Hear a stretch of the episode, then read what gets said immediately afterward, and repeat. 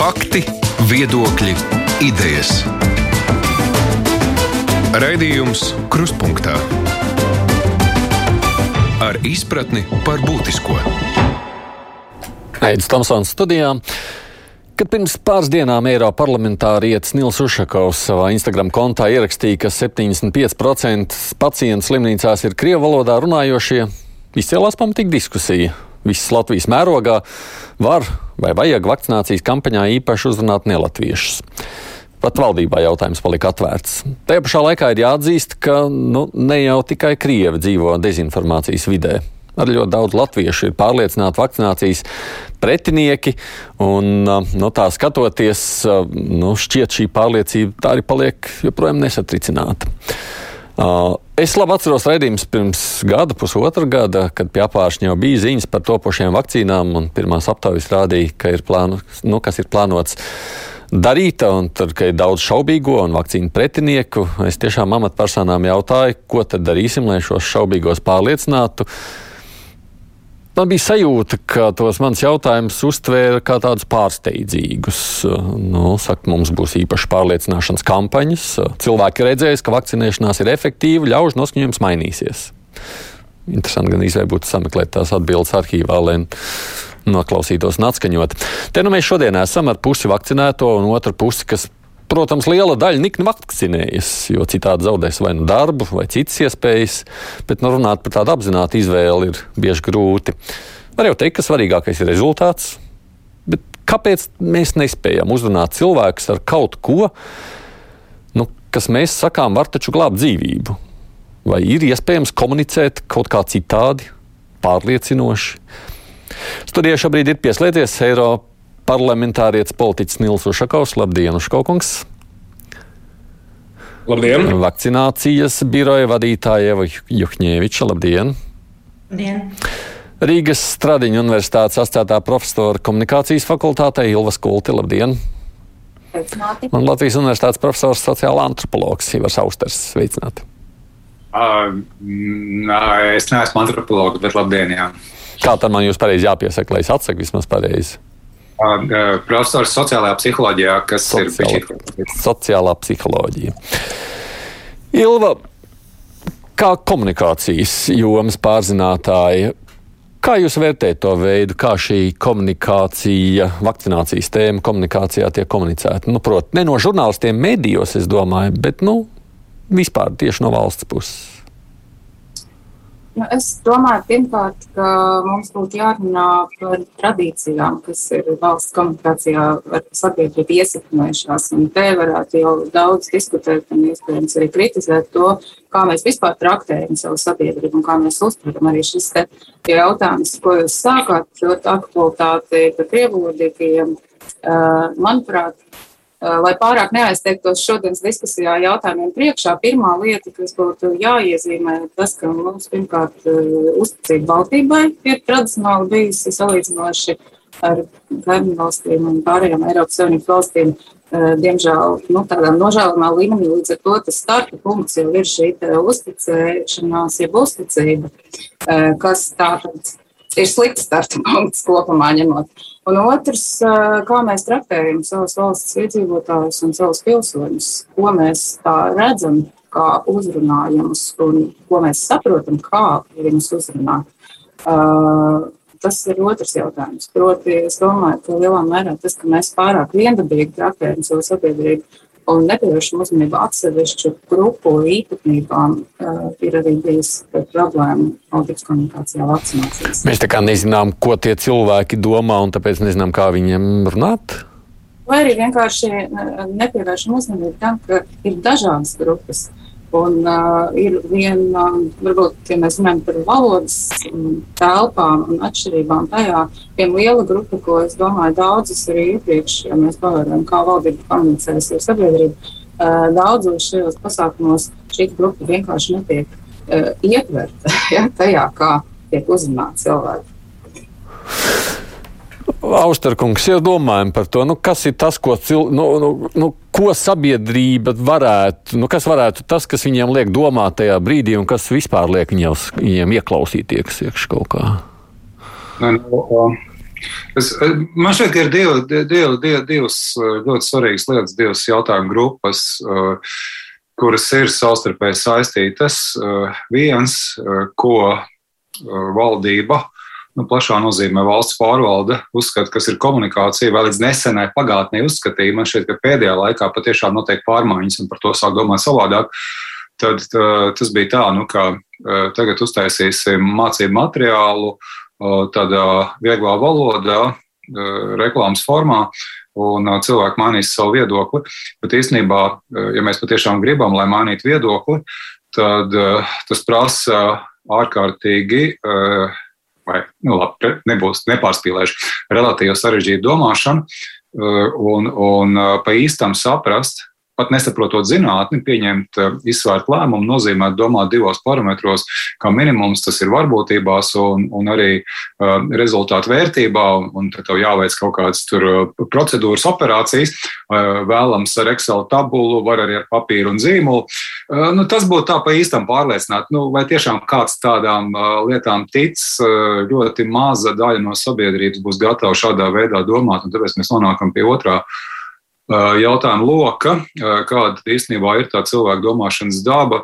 Un, uh, ir tāds uh, tēlēns salīdzinājums, patiesībā vairāki uh, savstarpēji saistīti. Bet cilvēka racionalitāte ir ierobežota. Viens, ja gribat poētiskāk, ka cilvēks ir kognitīvs sīkstols, izziņas sīkstols, kurš nav gatavs stipri un pamatīgi domāt.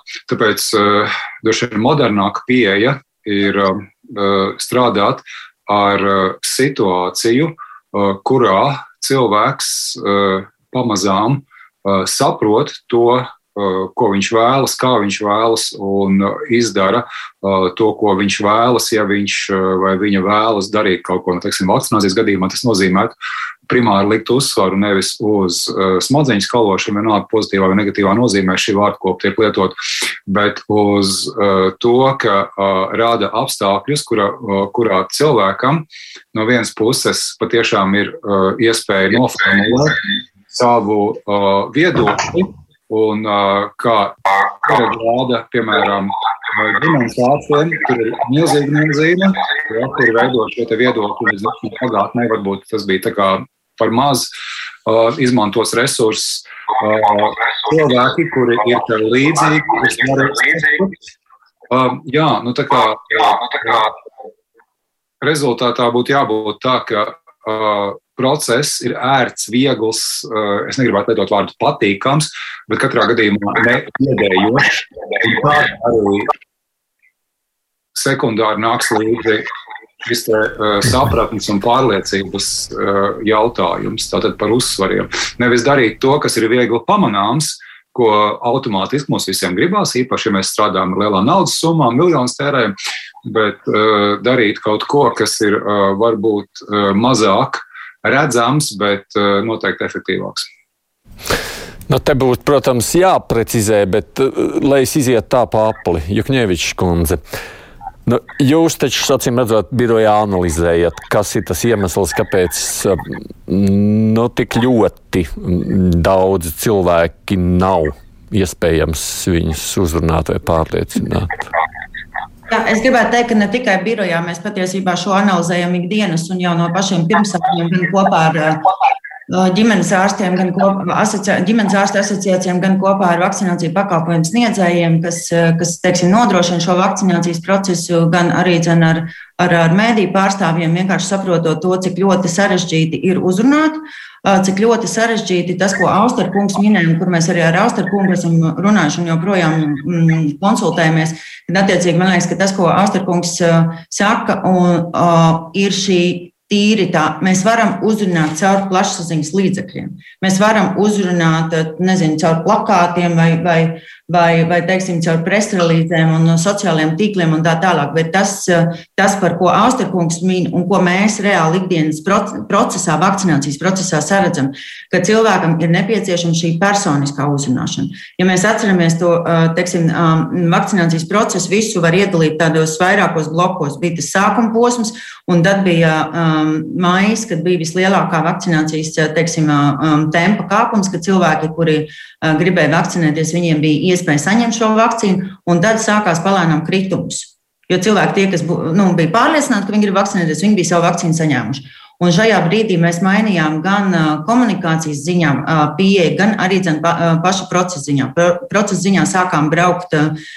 Braukt tuvāk maksimāli cilvēkam, taisījām šos vakcinācijas punktus tirsniecības centros, un tieši tāpat arī komunikācijā savukārt izvirzījām priekšplānā tieši mediķus, tieši ekspertus, jo cilvēkiem bija ļoti, ļoti daudz jautājumu.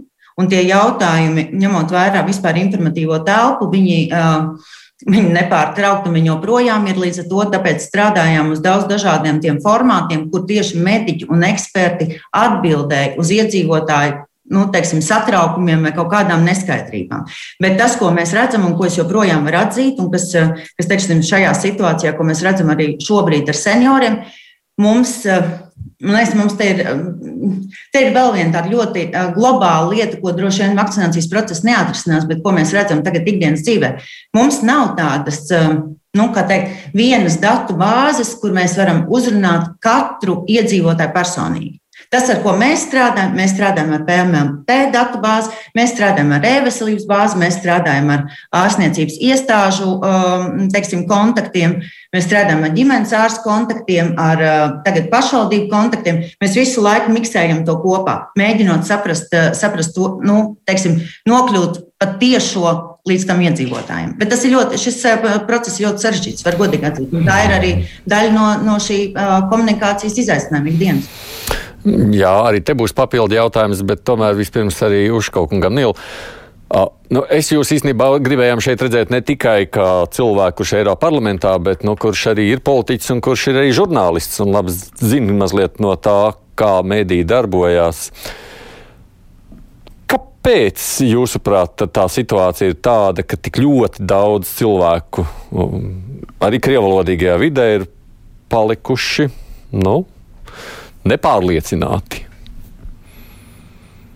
Es domāju, tas saistīts ar daudzām sistēmiskām krīzēm, kas veidojas gadiem ilgi pie mums Latvijā. Sākot no krīzes veselības jomā, daudzas reformas, kas nav vainagojušas ar pozitīviem rezultātiem, tas pats ar izglītību, tas pats arī ar spējām, ja mēs runājam nevis par šo valdību, bet par valdībām kopā, komunicēt ar iedzīvotājiem.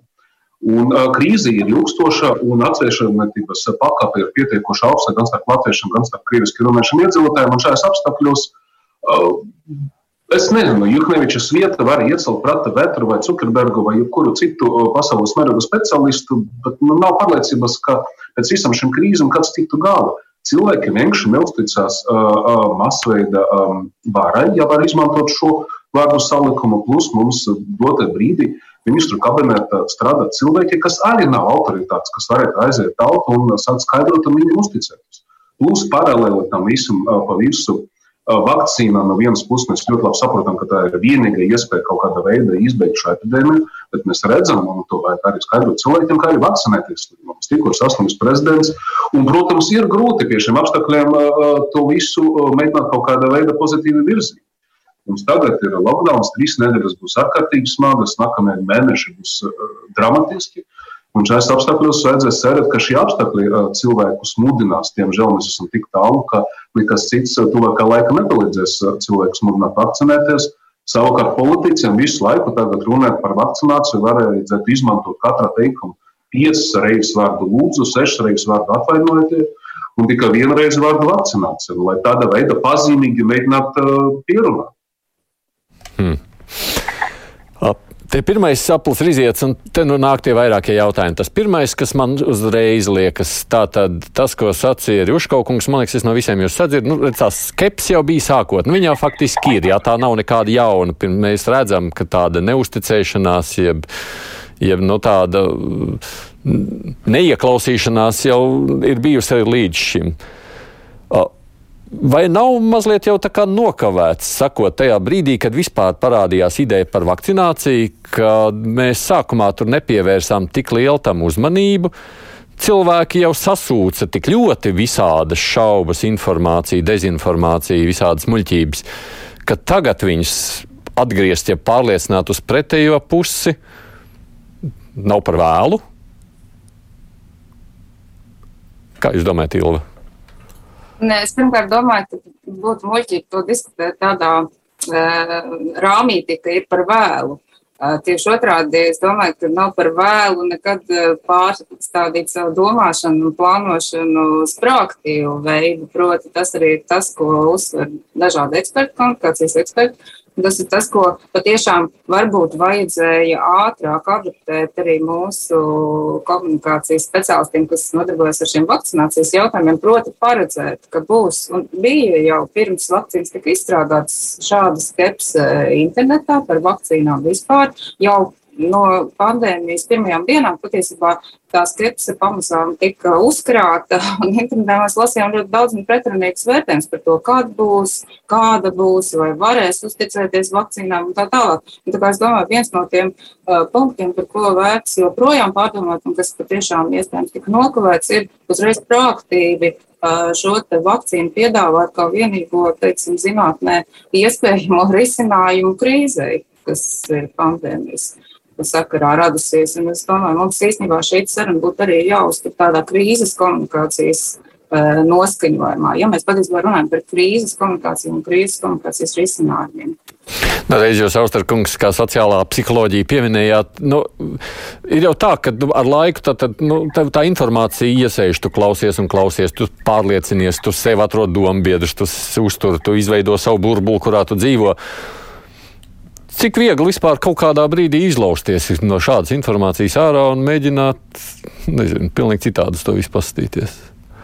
Uh, jā, tas ir brīnišķīgs uh, jautājums, un uh, es nedomāju, ka kāds cilvēks tagad ļoti mērķiecīgi gribētu to darīt, jo ir tāds brīnišķīgs teiciens, ka pārliecības tas kā īpašums, vai ne, ka tu esi investējis, ieguldījis uh, savā pasaules skatījumā, savā ideoloģijā. Nu, mūsdienās tas nozīmē, tur uh, stāstījis draugiem, rakājies pa internetu mēslaini un um, uh, līdzīgas lietas darījis, kas tev prasīs zināms resursus, un tagad no tā atteikties būtu tā kā bišķī žēl. Ja?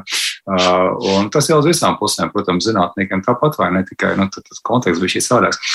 Un, un jā, jā, jautājums, uh, ko darīt un kāpēc vispār cilvēki sākotnēji ir uh, izveidojuši uh, šādu pasaules skatījumu, kurš īstenībā ir neproduktīvs, vismaz ilgtermiņā neproduktīvs, varbūt īstermiņā kaut kāds prieciņš sniedz. Uh, gandarījums nu, tur padiskutēt ar kādu un pierādīt, cik viņš ir liels muļķis.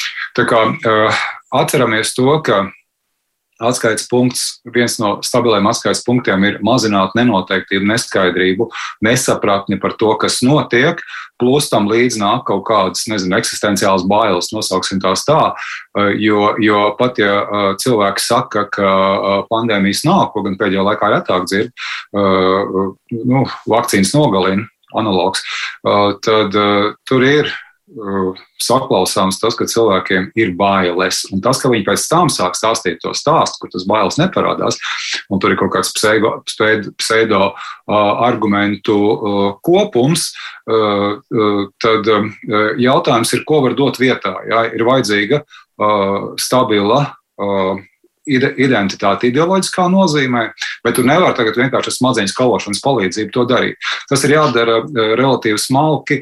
Nu, kaut vai, ja mēs runājam par riskiem, tad uh, nevar vienkārši pateikt, ja, ka nu, tur uh, tik un tik reizes vairāk, nu, tur kuram normālam cilvēkam, nu, tā skaitā mums, kas šeit ir, vai ne? Ja mēs sadzirdam vārdu piemēram, tā kā bija pagājušā pavasara receklis, nu, traki vai ne? Receklis viens no miljoniem. Ja? Nu, tas ir šausmīgi maz, vai ne? Bet uh, īstenībā uzsvars ir, ka vispār tas ir iespējams. Un vai tas ir viens no miljonu vai viens no simta, tas ir riska vērtējumā viens un tas pats. Bet ko var darīt? Var uh, risku uh, reprezentēt saprotamā veidā. Un tas saprotamais veids nozīmē, uh, kaut kādās uh, infogrammās, uh, kur ir cilvēki vai stāstos, stāstniecības nozīme ir ļoti liela. Nu, piemēram, viens uh, punkts, kas, manuprāt, ir par maz izmantots, ir uh, uh, antivakseri, kuri ir uh, kļuvuši par vakcīnu aizstāvjiem. Es zinu arī pāris personīgi. Ja? Cilvēki man personīgi ir teikuši, uh, es tagad varētu būt uh, reklāmas kampaņas uh, karognesējs. Ja? Pēc tam, kad viņi redzējuši, ko tas īstenībā nozīmē būt slimnīcā, redzēt, dzirdēt, piedzīvot to. Ja? Un, un tādu cilvēku ir nemazums, un viņu stāsti noteikti būs daudz, daudz pārliecinošāki nekā uh, tas, ko teiks uh, Dūms vai Perevošķikovs, kas, protams, ir uh, valdības nopirkta pakalpiņa, kā mēs visi zinām.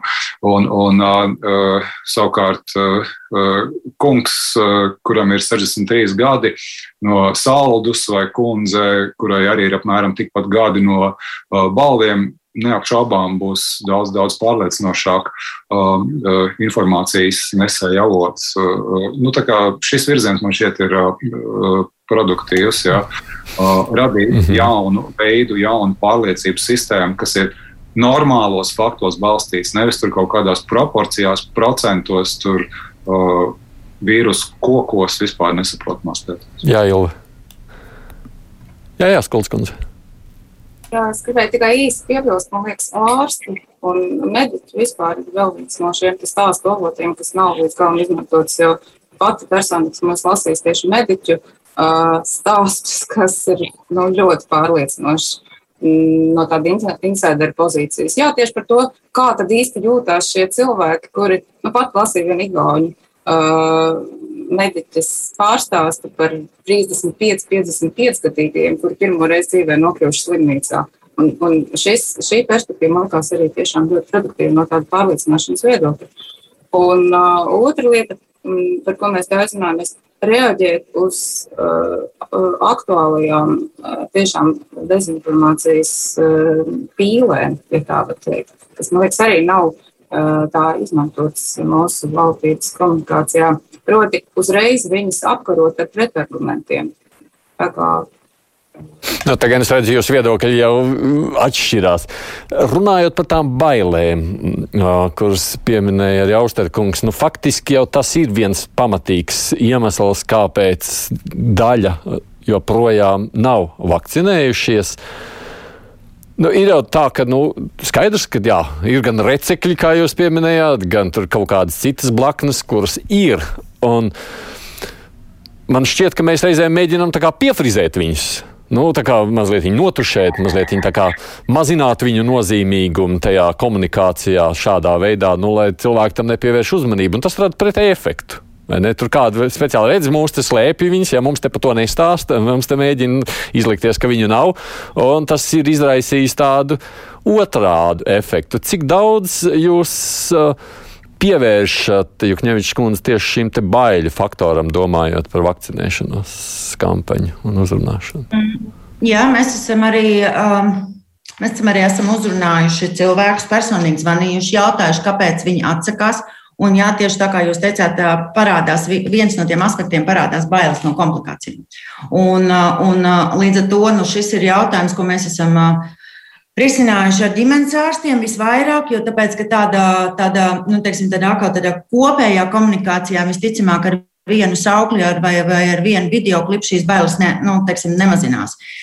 Tas, kurš var mazināt šīs bailes, arī konsultējoties ar speciālistiem un ikdienā ar viņiem strādājot un, un teiksim, lūdzot viņu iesaisti arī sarunās ar, ar teiksim, ģimenes ārstiem. Protams, ka tie ir ģimenes ārsti, kuriem cilvēks zvana ar kuru cilvēks personīgi var pārunāt gan uh, savas bailes, gan arī tā, gan, gan savas bažas, gan par, gan par uh, smagām pamatslimībām, vai par komplikācijām, vai kaut kādām blaknēm. Un līdz ar to šeit tas aspekts, kur, kur atkal nu, teiksim, izvirzās priekšplānā, kas uh, šī personiskā uzrunāšana, šis personīgais kontakts, ko uh, nu, tādā kopējā komunikācijā nav iespējams izdarīt caur plašsaziņas līdzekļiem. Var to uh, darīt, un to mēs arī darām jau, jau no jūnija mēneša, kur, kur mm, sociālajos tīklos ir šīs komunikācijas, uh, ir šie, šie raidījumi un šie cikli un šīs diskusijas, kur cilvēki var uzdot jautājumus, un viņiem tad speciālisti arī uh, teiksim, var sniegt skaidrojumu, kas mazinātu bailes, bet vislielākā mērā tomēr tas ir ģimenes ārsts.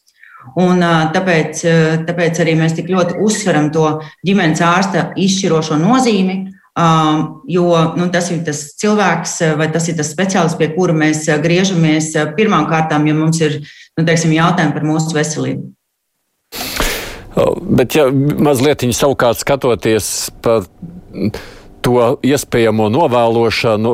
Ir jau tā, ka atceramies, tad, kad jūs arī sākāt strādāt, es arī jums jautāju, nu, ko darīsiet ar visu šo. Toreiz jau nu, bija tādas ļoti optimistisks noskaņas, sakot, mums būs kampaņas, mēs darbosimies, mums, mēs zinām, mēs pārliecināsim. Jā, es varbūt arī uzreiz pakomentēšu. Tās kampaņas arī bija, un, un skaidrs, ka tā, tajā brīdī, kad mēs šo visu procesu uzsākām, Ja jūs atceraties, sākotnēji mēs uztraucāmies par pilnīgi citām rūpēm, un tas, teiksim, tas process bija sarežģīts. Nu, tā nebija vakcīna vispār. Jā, jā. Pārējā, ja? Rezultātā nu, es gribētu teikt, ka nevienam ekspertam un nevienam speciālistam neienāca prātā, ka šis sabiedrības, nu, e, nu, es neesmu, es neesmu komunikācijas stratēģi. Līdz to es varu tikai teikt, ko man ir, nu, teiksim, pārunāt ar ekspertiem. Nu, es domāju, ka neviens no mums nepieredzēja, ka šis mm, nu šis, eh, nu, teiksim, ka mēs nebūsim gatavi vienoties vienā izpratnē par vakcinācijas nepieciešamību, ka būs tik ļoti dažādi viedokļi sabiedrībā Un ka šie, nu, teiksim, ja mēs skatāmies 50% un 50%, ka tas, teiksim, tas, šie 50%, kuri nav pieņēmuši šo lēmumu vakcinēties un kuri joprojām varbūt atliek šo lēmumu, varbūt tikai tagad, kad, kad teiksim, darba pienākums prasīs to darīt, tad nevis savus veselības veselības eh, vārdā to darīs, vai lai pasargātu savus tuviniekus, vai lai vispār nu, globāli šī pandēmija beigtos, bet tikai nu, teiksim, um, tāpēc, lai nepazaudētu darbu, to darīs. Es domāju, ka neviens to tajā brīdī vēl neparedzēja. Es nezinu, droši vien Austerkungs, kā, kā sabiedrības pētnieks, var, var to precīzāk pateikt, bet es domāju, tāpēc tas process ir ļoti, ļoti mainīgs. Sabiedrības noskaņojums tajā brīdī, kas bija marts, nu, februārs, marts, un, ja mēs skatāmies jau vasaru, kas sāktivizējās augusts, un šobrīd nu, tas ir pilnīgi kaut kas cits. Nu, jā, varbūt tad, jā, mēs eh, pārlieku optimistiski bijām, Jā, Užkokungs. Es domāju, to, ko mēs patreiz šeit dzirdam, ir apliecinājums, diemžēl, tam, ka ļoti liela daļa no politiķiem un pietiekoši liela daļa arī no ierēdniecības ļoti vāji saprot, par ko domā un ko jūtas cilvēki, kas dzīvo Latvijā šī sapratne par to, ko cilvēki jūtas, kā viņi rīkosies, nu, praktiski nepastāv. Tāpēc mums ir tādas milzīgas kļūdas no paša sākuma, gan prognozējot, gan plānojot to, ko mēs darīsim un kāda būs rīcība. Un šeit, kad es iepriekšējā reizē runāju, un pieminēju vārdus piedodiet un lūdzu, tas nebija tā kā joks, tas tiešām ir vienīgā dota brīdī, pēc manas pārliecības komunikācijas stratēģija, kas var sasniegt kaut kāds rezultāts cilvēkiem, kas ir pieļāvuši entus kļūdas ka pateicoties, kā mums tagad ir ievies lockdown, pateicoties, kā mums būs ļoti smagi nākamie mēneši, viņiem visa komunikācija vajag izmantot tikai šos divus vārdus, un tad iespējams mēs būsim spējīgi pārliecināt tos, kas ir patreiz pret.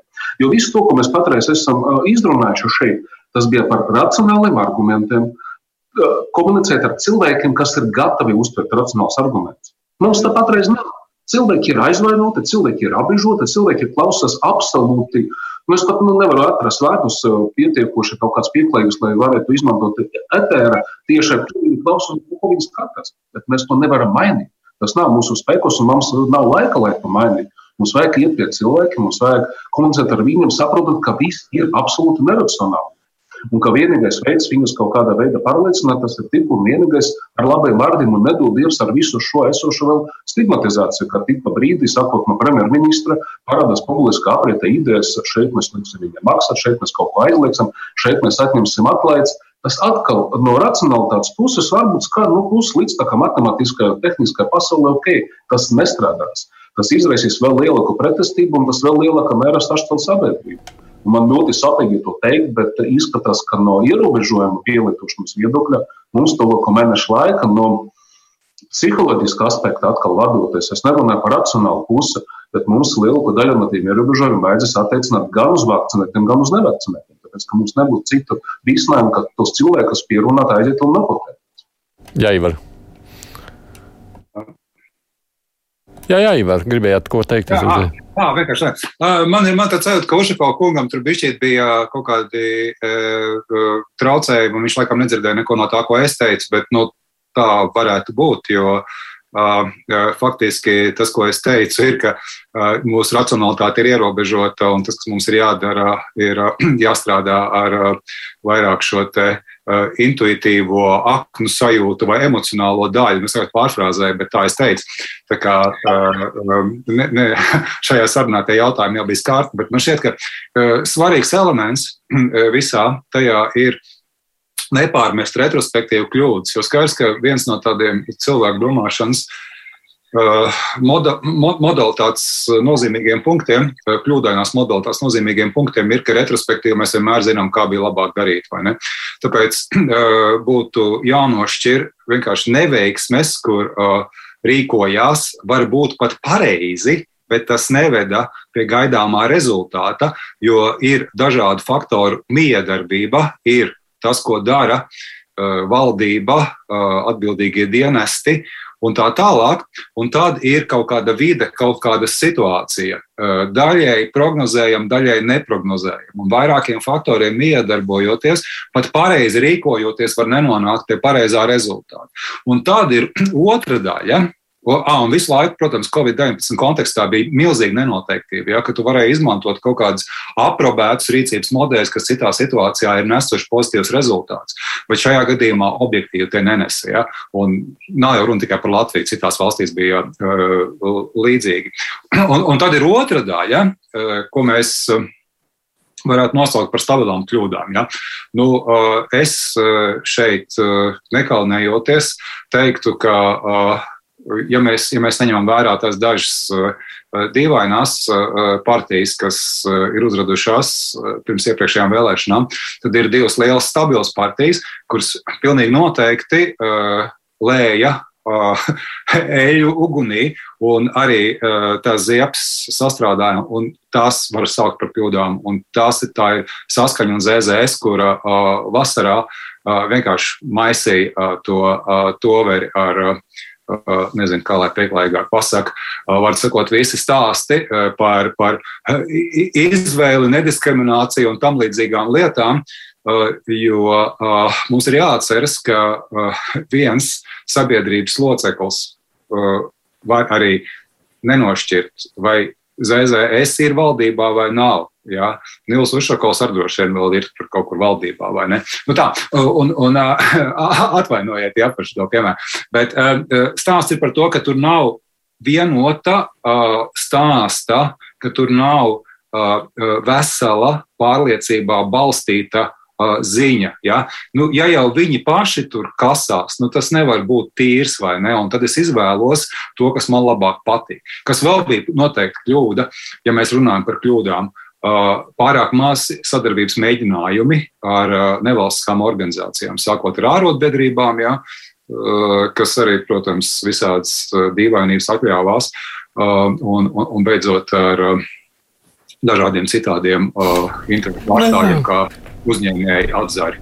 Nu, jā, bet mēs jau par kļūdu. Politiķi un nevalstiskās organizācijas, sabiedrības, dažādi cilvēki, nu tā pati sabiedrības daļa vien esam, un te jau viss arī nāk ārā tā, kā tas nāk ārā, Jāskuls kundze.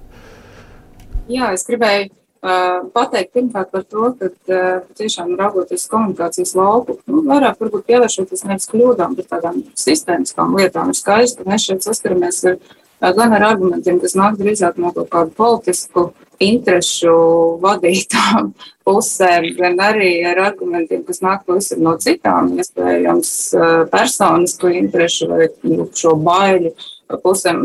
Un, nu, es domāju, ka visu šo spektru mēs tagad neizanalizēsim, bet tas, protams, sarežģīja lietas, bet tas, ko var, ir saprast, ka mēs šodien dzīvojam komunikatīvi tādā vidē, kurā strādā gan masu komunikācija, joprojām strādā arī masu vēstījumu gan arī vēstījumi, kuri galīgi nav masu, respektīvi, kas ir eh, šaurās grupās sociālajos medijos izplatīti, un kur cilvēki arī, eh, nu, mēs zinām, gan uh, filtra uh, burbuļu, gan koridoru teorijas, uh, bet um, cilvēks sašķeljās īstenībā, un tas, ko es sauktu, vienkārši uzkrāja šīs emocijas, un tas viss ir raksturīgi un uh, skaidra. Es domāju, lielākajai daļai arī uh, domājoši cilvēku mūsdienu komunikācijas tādu kā sistēma ar apakšsistēmām. Bet tas, ko es negribēju palaist garām šajā sarunā, kā jautājumu, ir patiešām, kas tad vēl izņemot valdību un attiecīgi deleģētas tam profesionāļus, uh,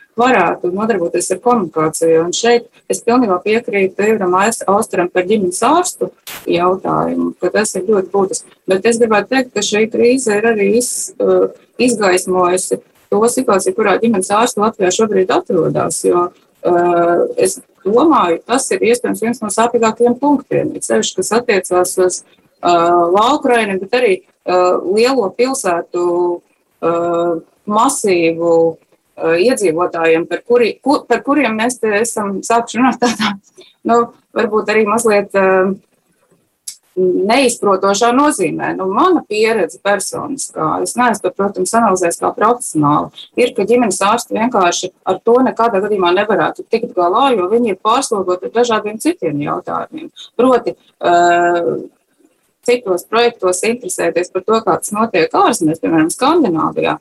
Pati ģimenes ārsta komunikācija ar pacientiem, tas, ko viņš zina, cik tālu viņš spēj iedzināties katra atsevišķa pacienta specifikā, uh, arī tas, kā pacients attiecās pret ģimenes ārstu, vai viņš uzticās, neuzticās, nāk, nenāk pie šī ārsta.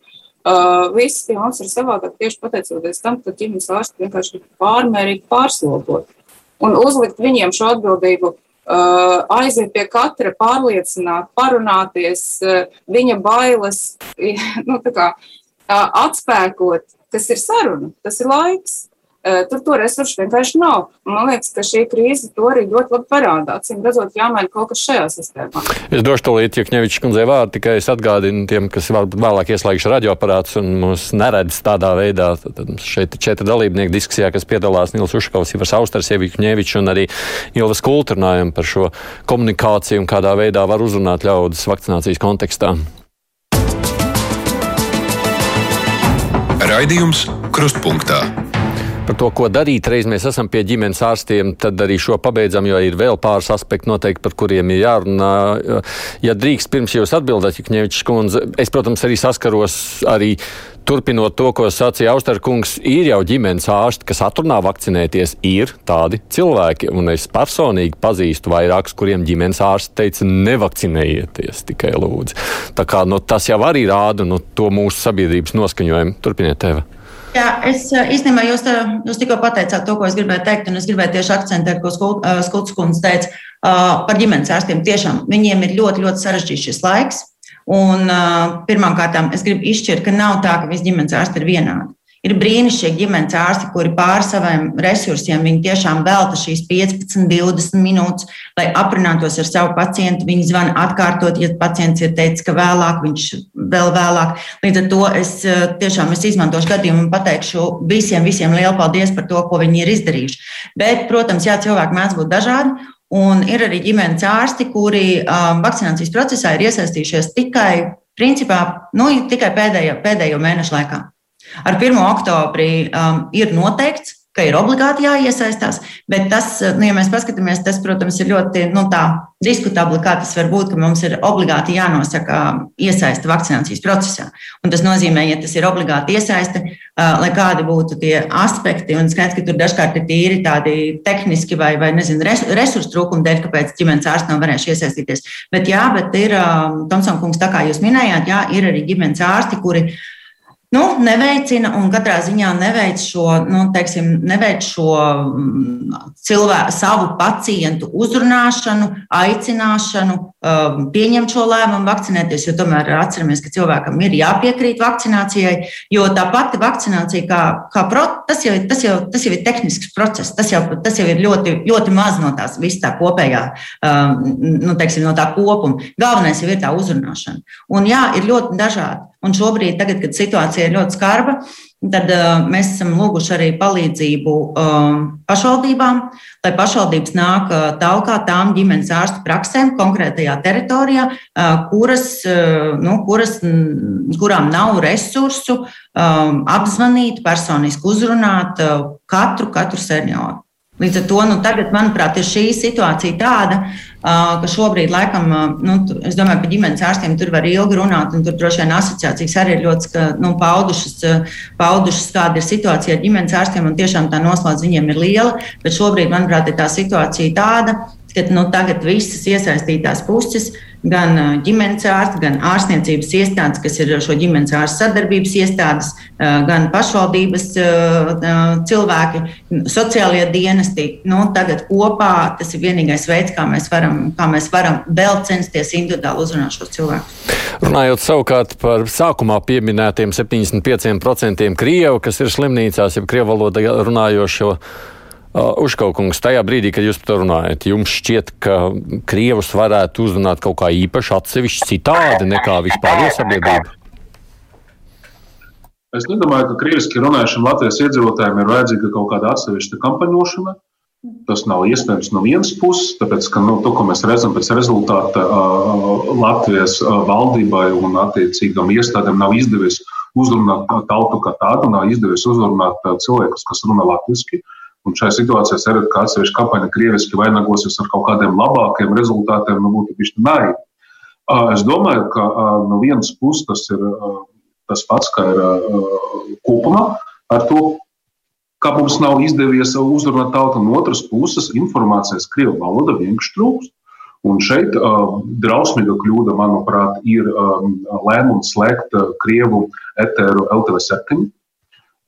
Latvijas sabiedriskajiem medijiem ļoti profesionāls, ļoti kvalitatīvs uh, ziņu dienas, kas uh, gatavo produkciju Krievijas valodā. Un šajos apstākļos, tieši skatoties uz to, kas notiek ar epidēmiju, ar vakcināciju, pieņemt lēmumu slēgt eteru, nu, tas, manuprāt, tā ir nu, dramatiska kļūda.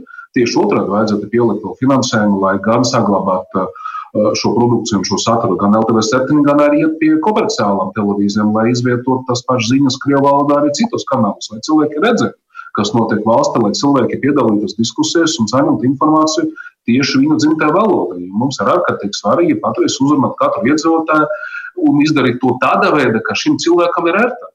Mums nav izvēles, mums nav tiesību pēc būtības rīkoties citādāk.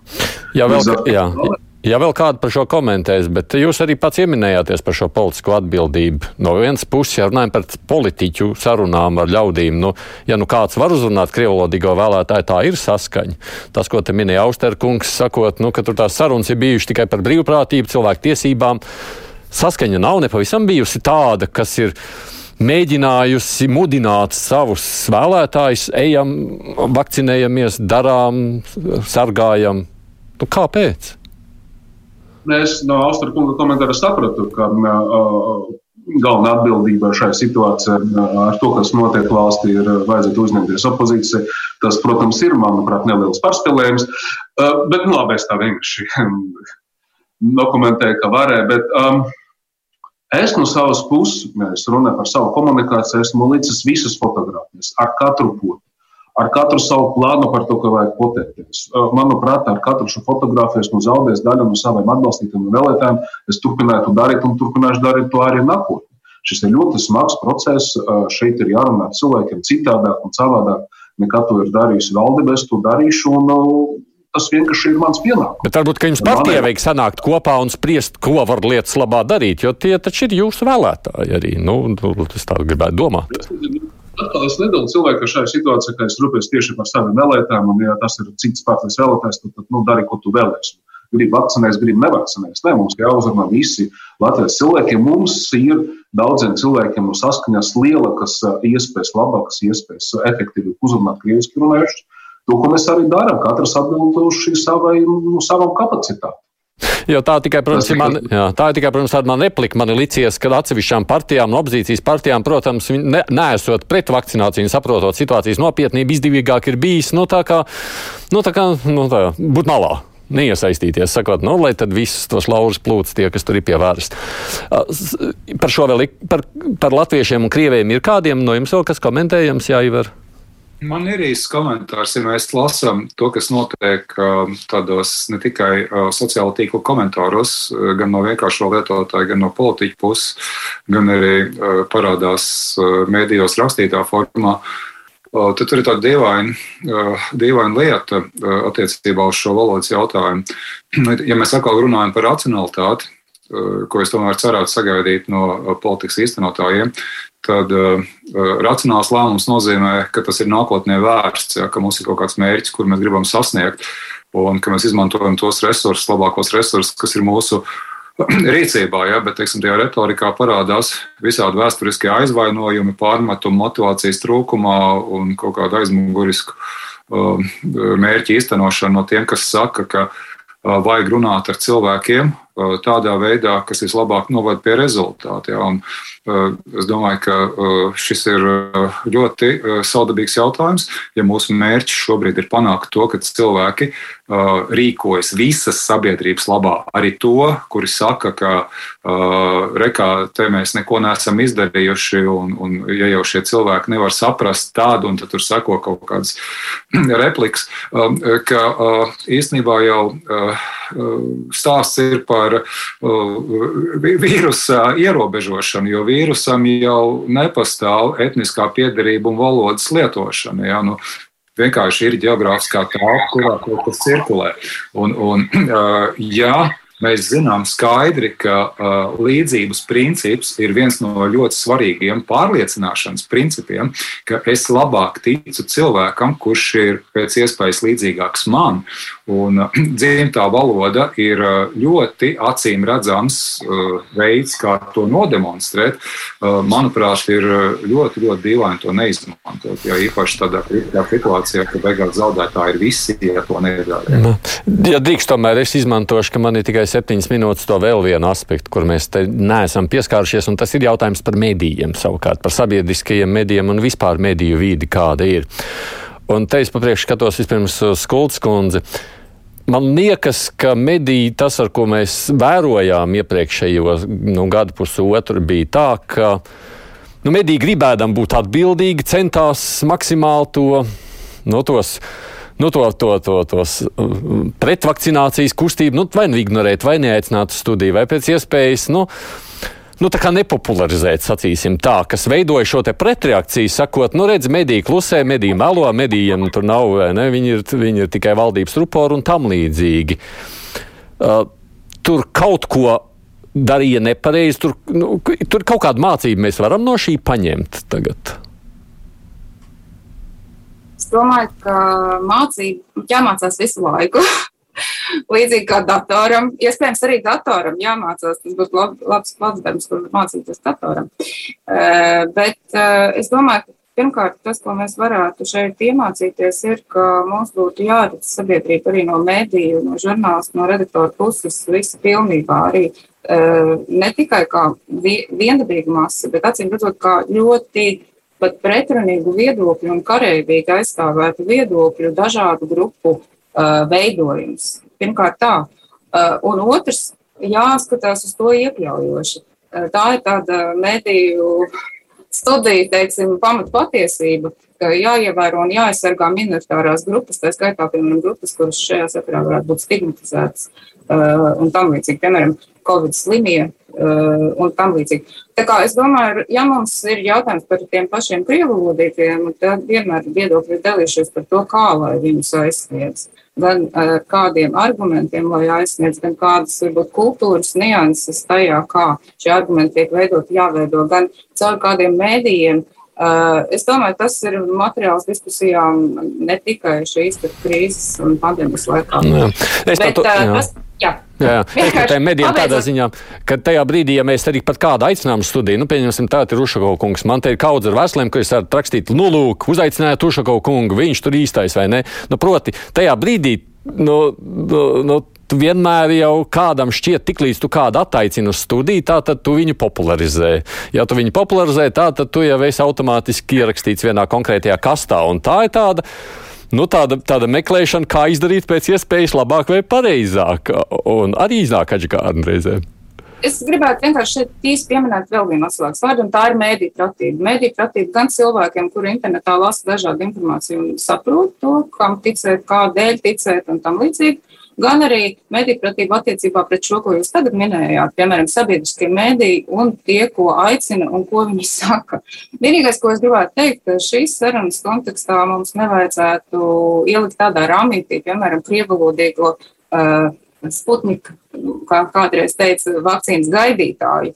Proti, tā arī nav. Es domāju, gan krievalodīgi, gan latviešu valodīgi ir ļoti dažādi cilvēki, un sabiedrisko mēdīju uzdevums būtu parādīt to, ka viņi ir dažādi. Un valoda šeit mums nav varbūt mhm. galvenais izšķirošais moments, pat ja mēs varam kaut kādus tādus profilus uzskicēt. Vienkārši man liekas, ka šī pandēmija tāda iespēja palūkoties uz visiem, katram uz sevi mazliet pārvērtējot, ko tad mēs esam izdarījuši un neesam izdarījuši, jo te jau nav viss saliekams tik vienkārši baltās un melnās kastītēs, man tā liekas. Vai kāds par šo ir gatavs vēl izteikties? Vai papildus mums īstenībā ir tikai vēl pāris minūtes palikuši, 3-4 minūtes vai maksimums. Jā, uzkaukungs. Lūdzu, saglabājiet Latvijas sabiedrisku mediju Krievu redakciju LTV 7. Tas ir svarīgākais tagad. Aiztaisīt ciet. Es saprotu, ka tas nav jums jautājums, Tomstum kungs, bet nu, es izmantoju vienkārši iespēju te pateikt. Janvāra beigas vienīgais, kas tagad mums trūks, tas ir aizklāpēt ziņas Krievu valodu. Pie tam sabiedriskai televīzijai. Mm, jā, tas arī viens jautājums. Saliekot to visu kopā, ir vēl kaut kas, ko mēs varam beig beigās izsacināt no šī visa, ko esam šodien nājuši, ko tad tagad tālāk vajadzētu darīt? Skatos uz jūsu sejas izteiksmēm, lūkojos, kurš no jums varētu būt gatavs runāt. Es redzu, Jaustarkungs. Uh, nu, nu, man šķiet, ir uh, vienkārši jāatceras, ka uh, ne redzam, uh, ka, ka redzamās plaši uh, pamanāmās lietas eh, vienmēr ir tās eh, efektīvākās, ka eh, tas ikdienas darbs, kādā virzienā šobrīd izskatās, ka notiek tā pati vakcinācija. Nu, teiksim, man ļoti, ļoti patīk tie autobusi, kas, kas braukā apkārt, ja, kas ir dažādās vietās. Nu, tas ir kā viens piemērs. Ja. Tā nav tāda milzīga reklāmas kampaņa, ko rāda pirms panorāmas un citos ziņu kanālos pirms, pirms, pirms ziņām, ja, vai Laikam, panorāmā tā mums nevar rādīt. Bet tad, tas nav kaut kas, kas ir ar pompu, tā ir vienkārši piezemēta ikdienas rīcība. Jā. Man šķiet, ka tas ir labs un pareizs virziens, kurā, kurā doties, kas ir vienkārši jāuzlabo, jāprecizē. Mm -hmm. Mm -hmm.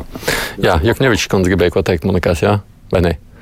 Jā, es droši vien gribu izmantot izdevību un pateikt, ka mēs turpinām būt āt, tuvāk, pieejamāk ar autobusiem, ar konteineriem, ar nezinu, aiz autoveikaliem, lai nodrošinātu to procesu cilvēkam tik līdz kā viņš pieņem šo lēmumu, veikt vakcināciju. Un vēl es laikam gribu pateikt visiem lielu paldies par šo rīcību, ka katrs, kas, kas pieņem, pieņem šo lēmumu, varbūt viņa piemērs atkal kalpo kādam citam, kurš varbūt to līdz šim nav izdarījis. Tā kā, jā, pusminūtē, pusminūtē, Ilva.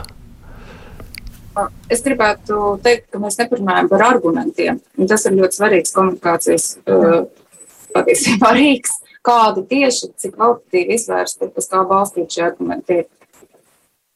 Nu, es te, protams, ieklausījos tajā, ko sacīja Austerkungs par tām bailēm. Un šis, man liekas, ir tāds jautājums, par ko mums visiem jārunā, jo bailes jau ir viens no tā pamata argumenta, kāpēc mēs esam te, kur mēs esam. Paldies jums par sarunu, to, ka veltījāt šo stundu runājot par to, kā mums izdodas ar šo komunikāciju no Latvijas Universitātes profesors Ivars Austers, Rīgas Traģiņu Universitātes asociētā profesora Ilva Skulte, vakcinācijas biroja vadītāja Eva Jukņēviča un Eiropa parlamentārietis Nils Uškaus. Paldies par sarunu. Bet kurspunktā šodien izskan raidījuma producenti Revi Junā un studijā šo sarunu vadīju es Aidis Tomsons.